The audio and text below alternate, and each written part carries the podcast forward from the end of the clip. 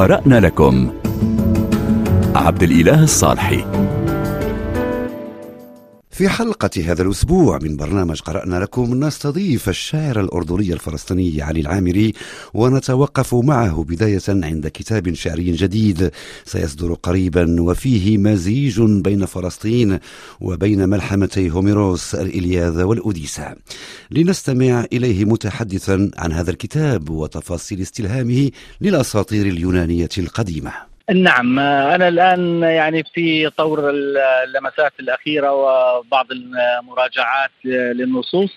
هي عمليا هي قصيدة واحدة متعددة الإيقاعات متعددة الأصوات أيضا.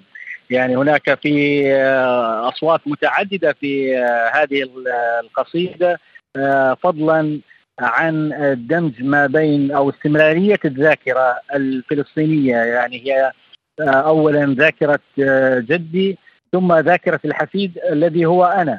ذاكرة الجد في المكان الأول فلسطين وتحديدا في مدينة بيسان شمال فلسطين. وذاكرتي أنا في الشتات في في الأردن وفي أماكن أخرى. المهم هو الأماكن التي خارج فلسطين. كان العمل على هذه المجموعة بهدوء. كما ذكرت لك هي قصيدة متعددة الأصوات والإيقاعات والفضاءات أيضا. ترتحل من الحاضر إلى الماضي إلى تصورات تصوراتي أنا أيضا للشعر. وفي لغة صاعدة وفي لغة تقترب من الحياة اليومية من الدم إلى لغة تفيض خيالا.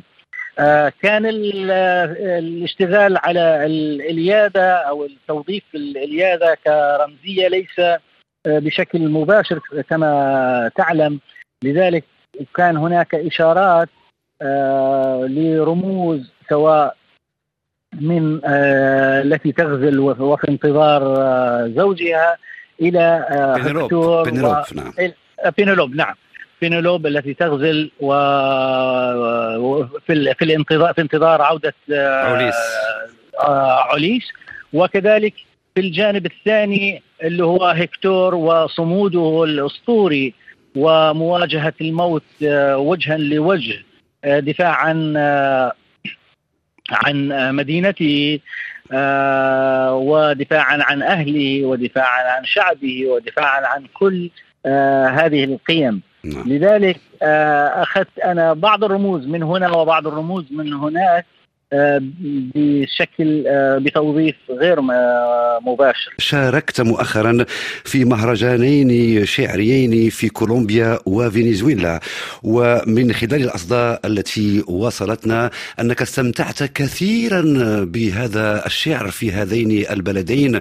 ولاحظت وربما اندهشت من أن الشعر متجذر في الوجدان الأمريكي اللاتيني.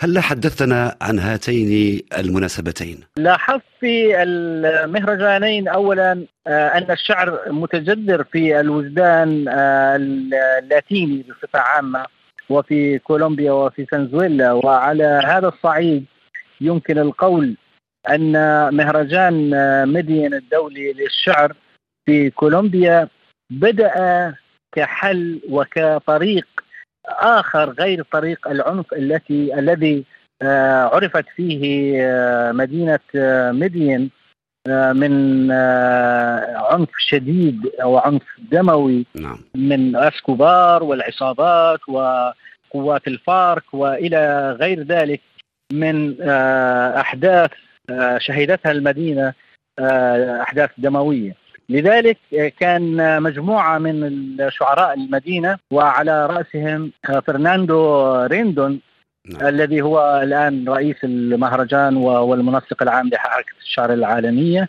عملوا هذا المهرجان ليكون طريق أمام الشباب وطريق أمام أهل المدينة وقد نجحوا بذلك وكان الانطلاقه عام 1991 علي العامري هو أيضا منسق حركة الشعر العالمية لفرع الأردن وله ثلاث مجموعات شعرية.